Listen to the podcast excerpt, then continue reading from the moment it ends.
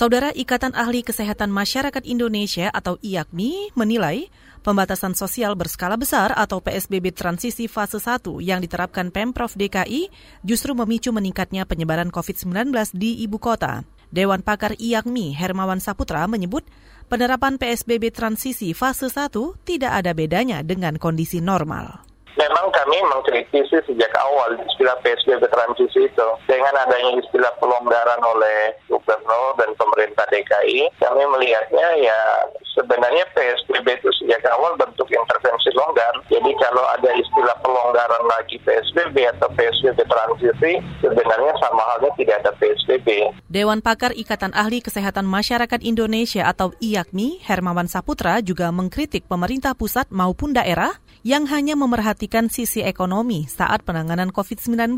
Padahal menurut Herman, langkah terpenting untuk memulihkan negara pasca pandemi adalah dimulai dari pengendalian wabahnya. Sebelumnya, Gubernur DKI Jakarta Anies Baswedan resmi memperpanjang PSBB transisi fase 1 sebanyak tiga kali hingga 13 Agustus mendatang. Saudara Badan Pengawas Pemilu atau Bawaslu Papua mengantisipasi mobilisasi atau penggerakan massa saat pilkada serentak di 11 kabupaten di Papua Desember mendatang. Menurut Komisioner Bawaslu Papua, Ronald Manoak, beberapa kabupaten pelaksana pilkada mudah dijangkau dari daerah yang tidak melaksanakan pilkada, salah satunya Kabupaten Kirom.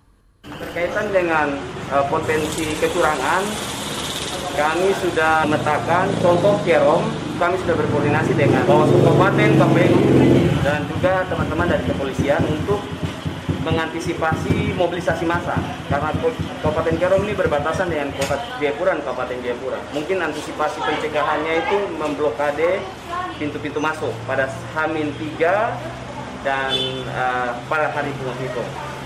Komisioner Bawaslu Papua Ronald Manoak menambahkan potensi kecurangan lainnya adalah keterlibatan aparatur sipil negara atau ASN saat kampanye hingga pelaksanaan pemungutan suara, politik ulang, kampanye hitam hingga isu rasisme.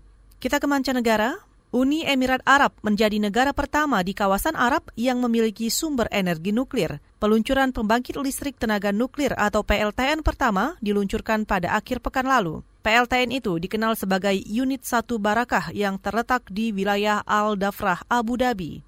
Perusahaan Emirates Nuclear Energy Corporation menyebut PLTN Unit 1 ini adalah yang pertama dari total 4 PLTN yang rencananya dibangun di Uni Emirat Arab. Namun sejumlah ahli energi mempertanyakan urgensi Uni Emirat Arab membangun reaktor energi nuklir di tengah situasi tak menentu di Timur Tengah. Saudara demikian kabar baru, saya Eka Juli.